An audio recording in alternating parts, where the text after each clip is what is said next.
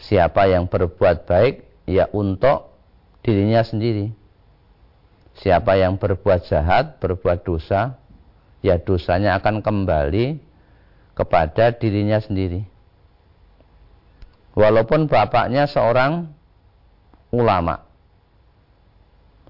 seorang ustadz, seorang kiai, tetapi ketika anaknya tidak taat, beribadah kepada Allah, tidak melaksanakan apa yang menjadi perintah-perintah Allah, maka nanti bapak tidak bisa menolong anaknya.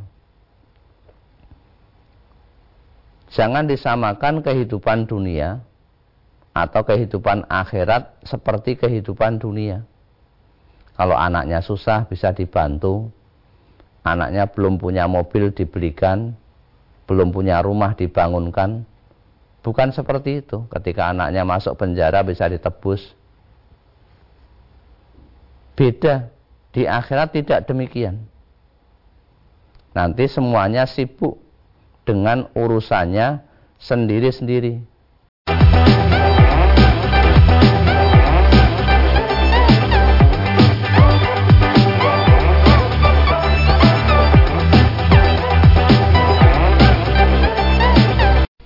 Bismillahirrahmanirrahim. Assalamualaikum warahmatullahi wabarakatuh. Saudara pemirsa channel terpilih MTA TV di mana pun anda berada Puji syukur Alhamdulillah senantiasa kita panjatkan kehadirat ilahi Robbi Allah subhanahu wa ta'ala Atas kenap karunia nikmat dan juga rahmat untuk kita semua Di perjumpaan awal aktivitas pagi hari ini.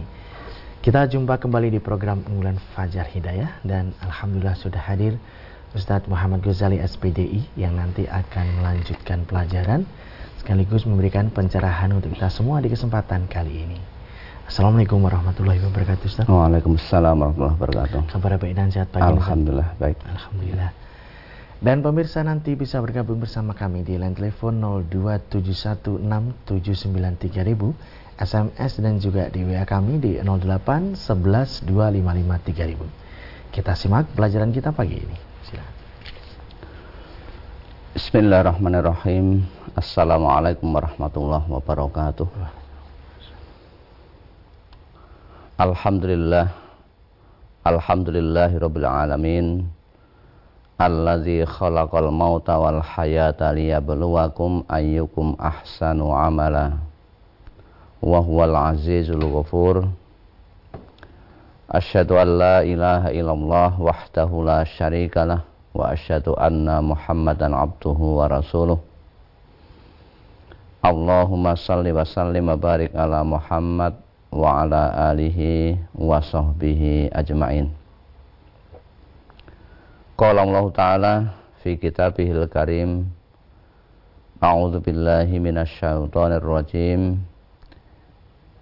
minasy syaithanir rajim Ya ayyuhalladzina amanu taqullaha wal tanzur nafsum ma qaddamat lighad wattaqullah innallaha khabirum bima ta'malun.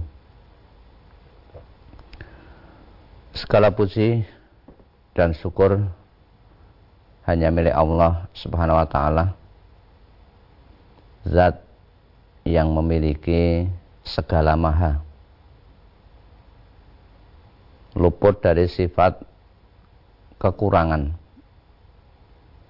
Allah memiliki sifat kesempurnaan. Dengan demikian manusia menyadari bahwa banyak kekurangan yang ada pada dirinya. Karena memang sebagai makhluk, sebagai ciptaan Allah, tentunya akan lebih sempurna yang menciptakan.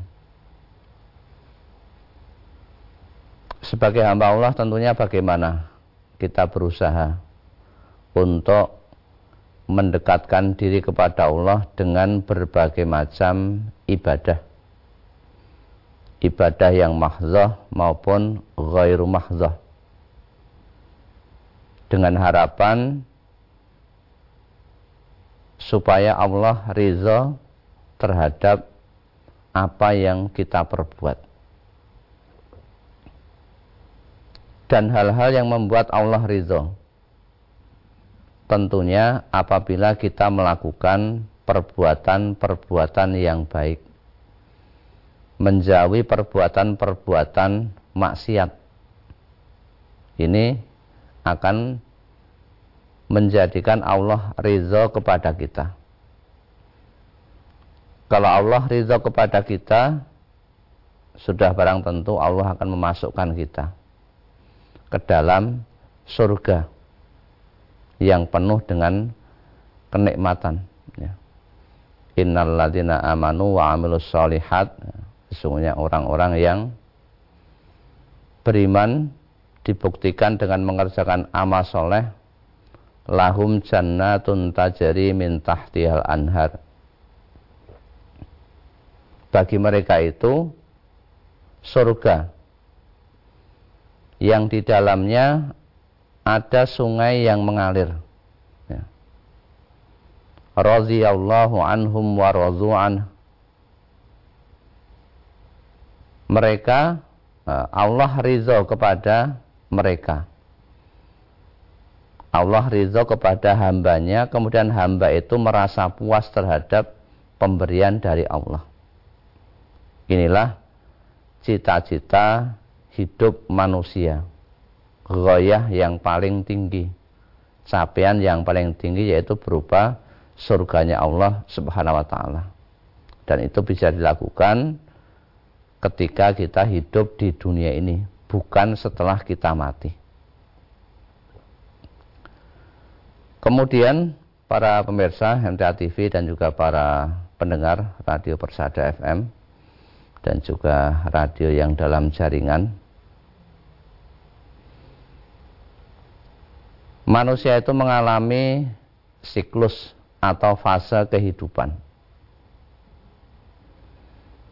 Ketika kita di dunia, mulai dari bayi, kemudian berkembang menjadi anak-anak, tumbuh menjadi remaja dewasa, kemudian menjadi tua dan akhirnya mati. Setelah mati nanti kita akan dikubur berada di alam barzah. Setelah di alam barzah menunggu sampai datangnya kiamat. Ya. Kemudian manusia di saat kiamat itu dimatikan semuanya, baru semuanya dibangkitkan. Setelah itu akan menuju kepada alam akhirat dikumpulkan di padang mahsyar untuk mempertanggungjawabkan amalnya sendiri-sendiri. Jadi orang itu bertanggung jawab terhadap dirinya sendiri. Seorang bapak tidak bisa menolong anak. Begitu juga sebaliknya. Allah Subhanahu wa taala berfirman di surat Luqman ayat 33 surat ke-31 A'udzu billahi minasyaitonir rajim. Ya ya ayyuhan nasu taqu rabbakum. Wakshaw yauman la yajzi walidun awwaladihi wala mauludun huwa jazin an walidihi syai'an. Inna wa'tallahi haq fala taghurrannakumul hayatud dunya wala yaghurrannakum billahil ghurur. Manusia dipanggil ya ayuhan nas wahai manusia. Perhatikan dengarkan apa yang akan difirmankan oleh Allah.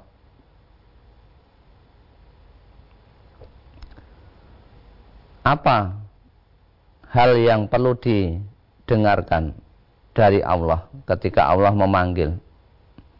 Ittaqu rabbakum.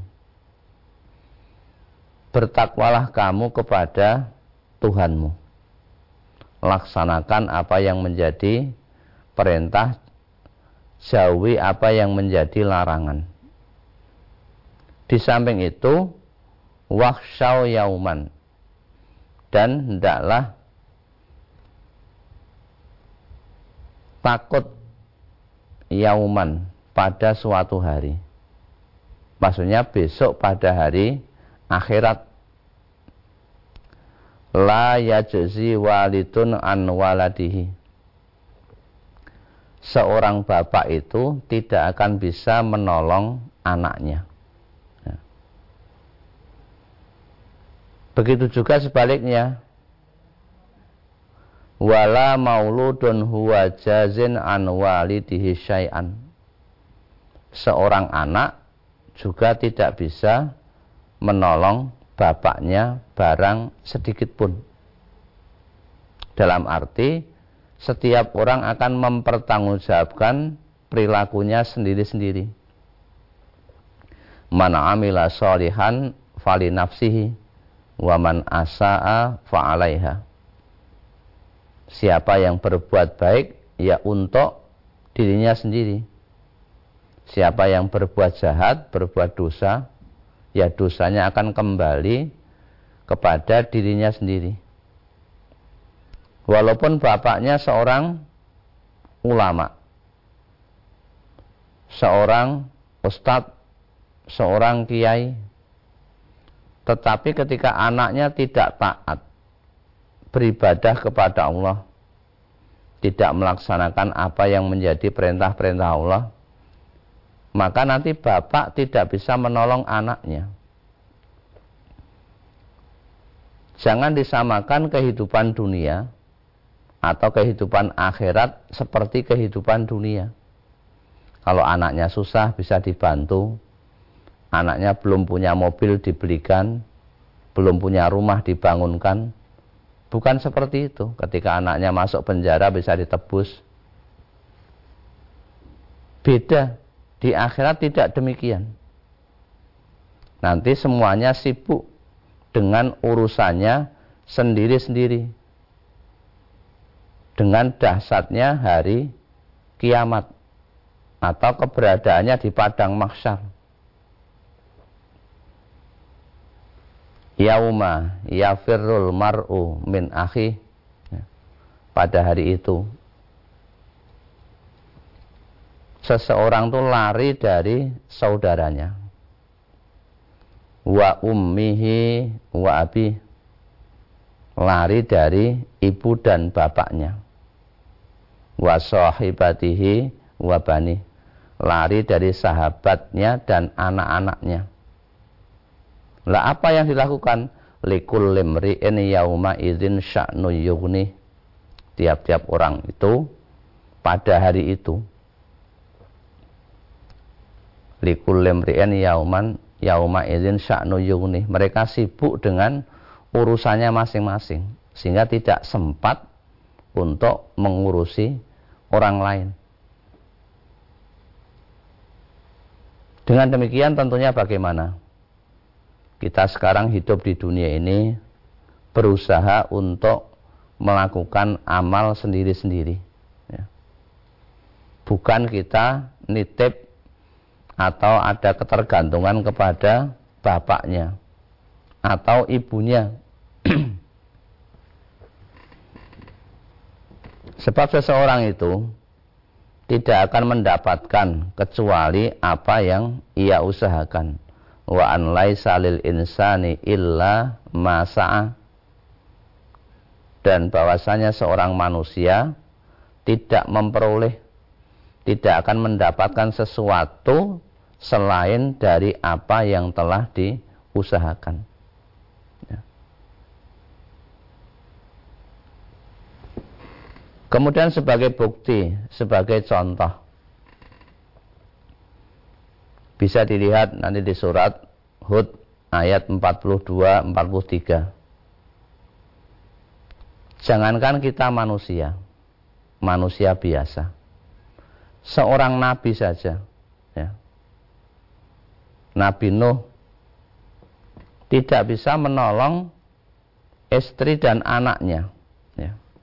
Ketika saat itu anaknya diajak untuk naik bahtera, naik kapal, naik perahu karena ada banjir yang besar. Ya. Wahiyata jari bihim fi maujin kaljibal dan bahtera itu berlayar membawa mereka dalam gelombang yang seperti gunung.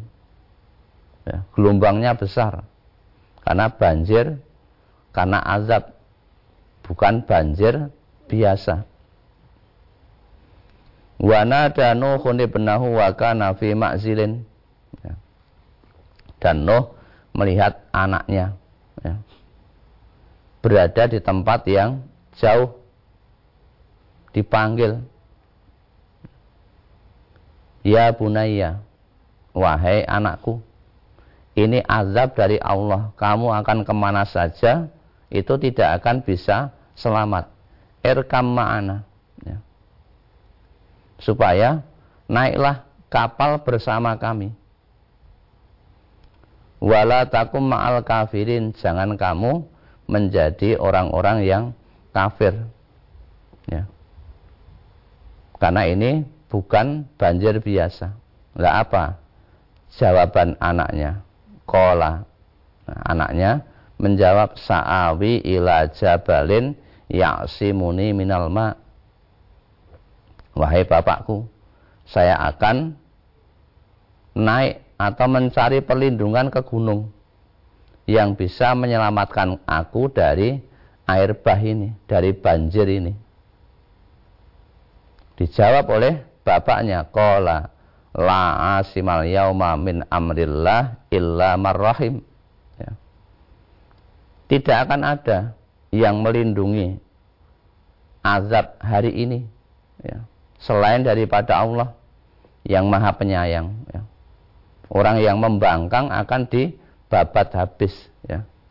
akan diazab dengan banjir itu wahala bainahumal mauju fakana minal mughrokin dan gelombang itu menjadi penghalang antara keduanya dan jadilah anak itu termasuk orang-orang yang ditenggelamkan karena tidak mau diajak termasuk juga ada Nabi Ibrahim dengan bapaknya yang bernama Azar kemudian Nabi Lot ya juga tidak bisa menyelamatkan istrinya Nabi Muhammad juga tidak bisa menyelamatkan pamannya. Inna kalatah di man ahbabta walakin Allah yahdi mayyasha wa huwa a'lamu bil muhtadin.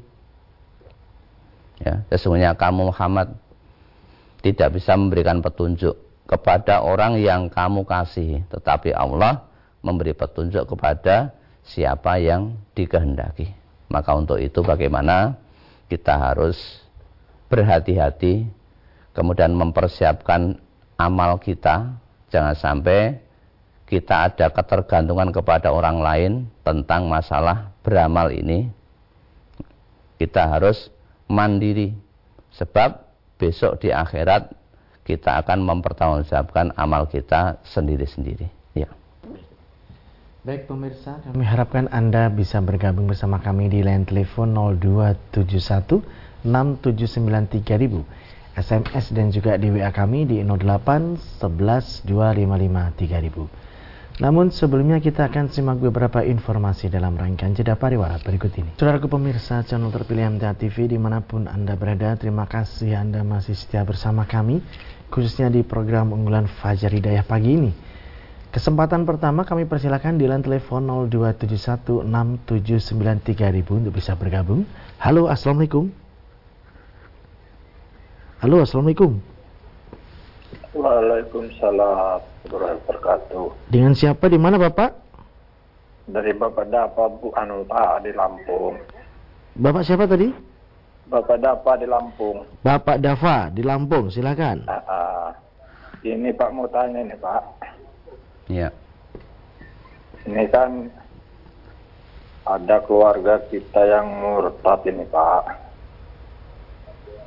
ya jadi dia ini kan mau membantu keluarga i- neneknya yang sudah meninggal. ya Ah, baik Sekitar satu bulan yang lewat. Nah, jadi gimana ini Pak? Dana yang dibantukan itu untuk ngorban si nenek atau ibu kita. ya Nah ini dalam pandangan dalam pandangan Islam ini gimana ini Pak? Ap, boleh apa enggak ini kalau untuk ngorban atau atau untuk keperluan yang lain lah begitu maksudnya.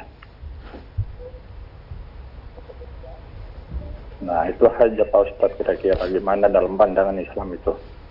Neneknya masih Udah meninggal. masih udah, udah meninggal. Udah, ah, ah, udah sekitar 40 hari lewat lah. Iya.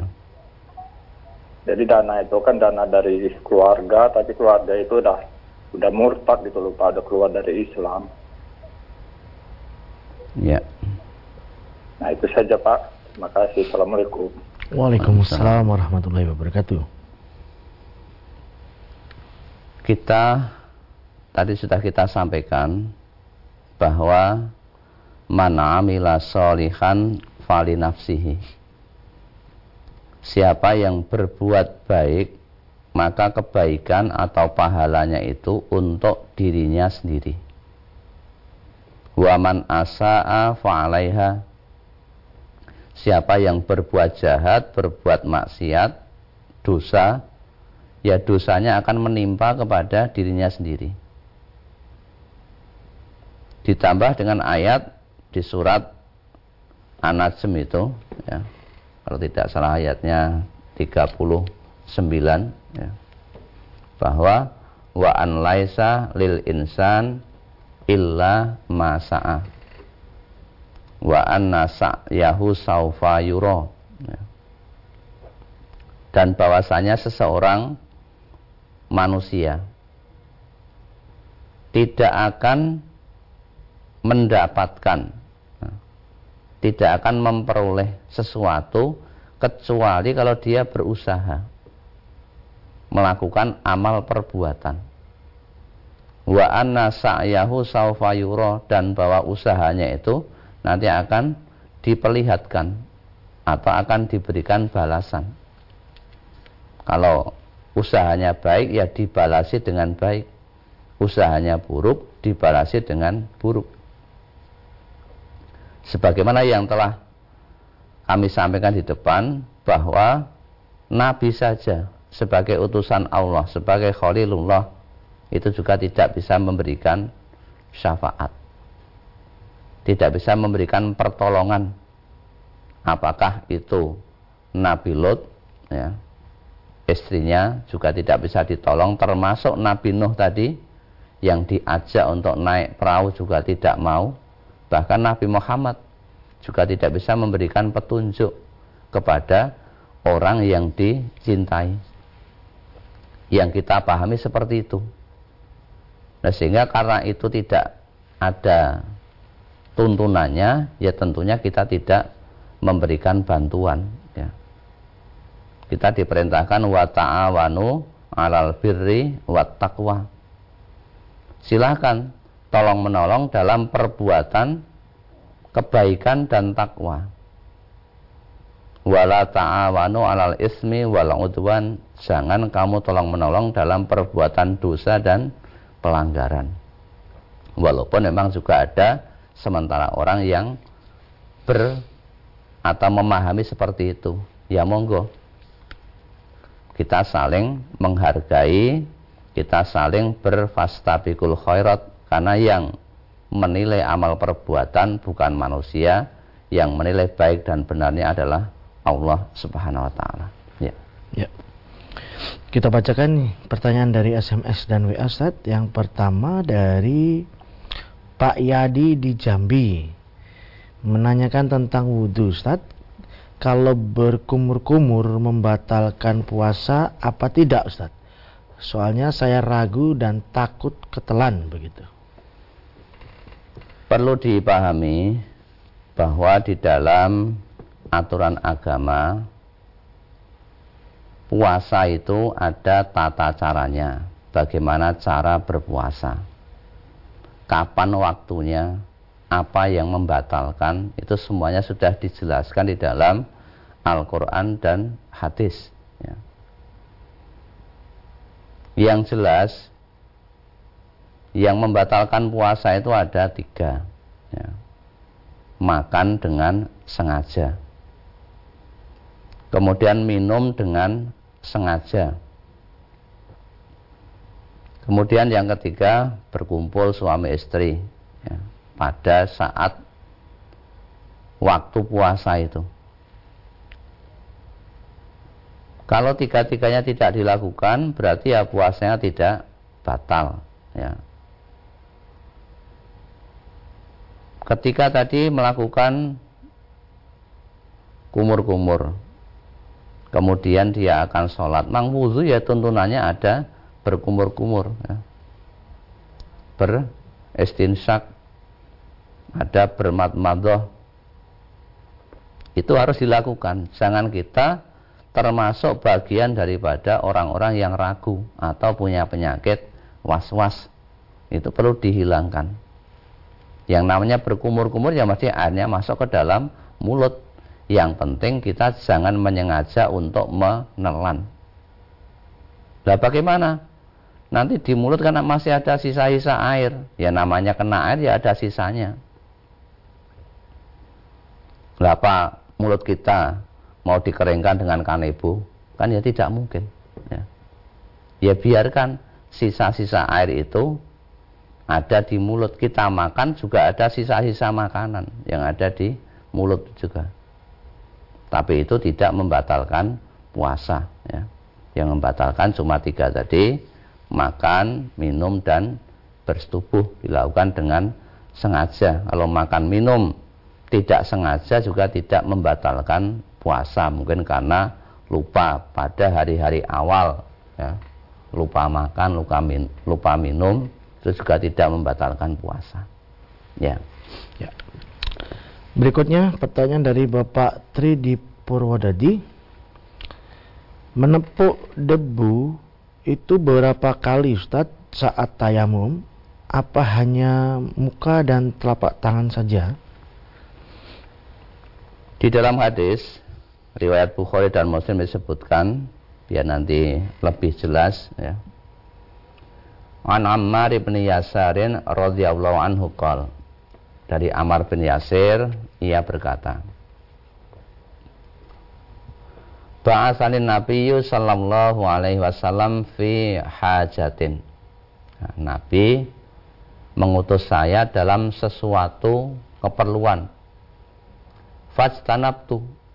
Lalu aku berjunub ya. Falam ajidil ma'a.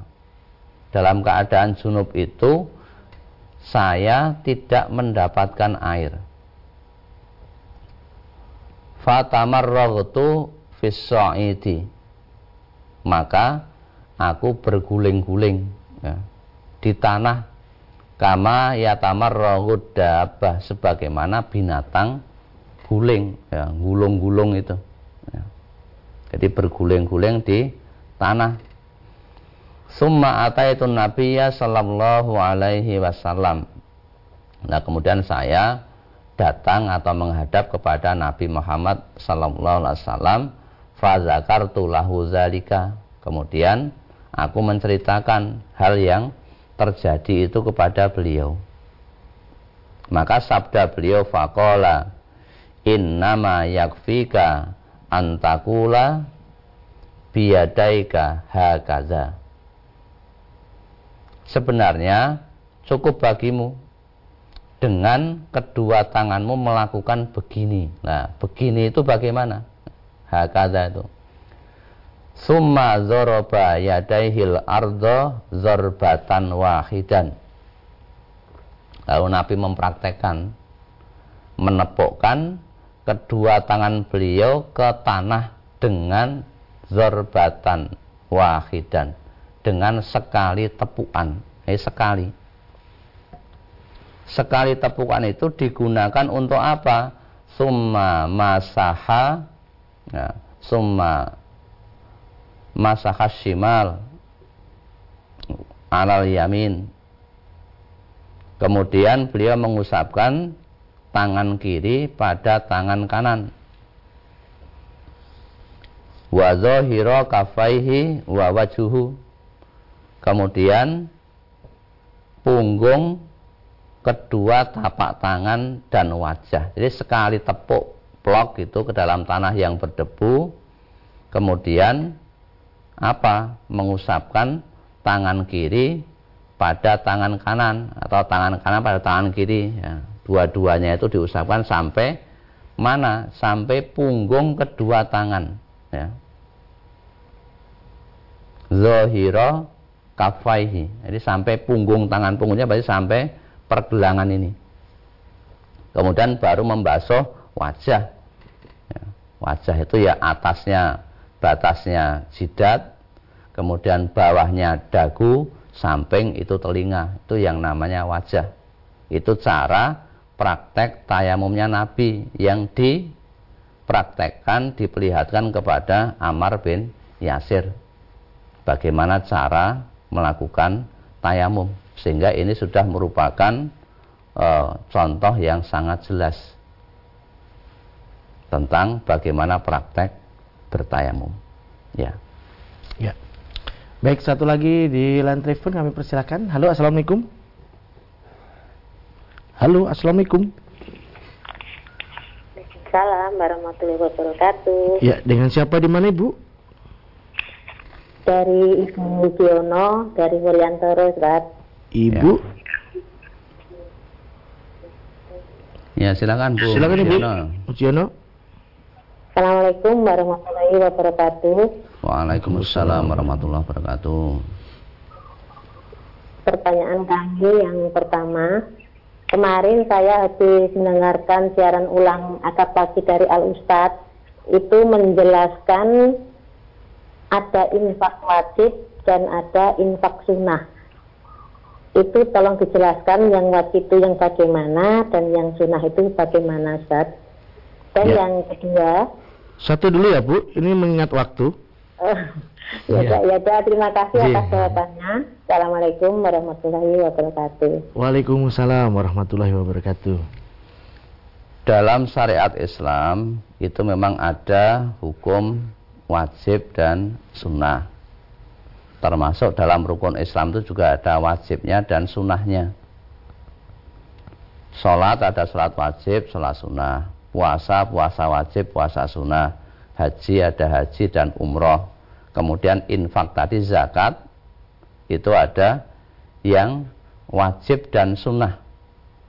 Wa mimma razaqnahum yunfikun. Dan dari apa-apa yang Allah telah rezekikan kepada mereka mereka menginfakkan menafkahkan. Infak artinya mengeluarkan.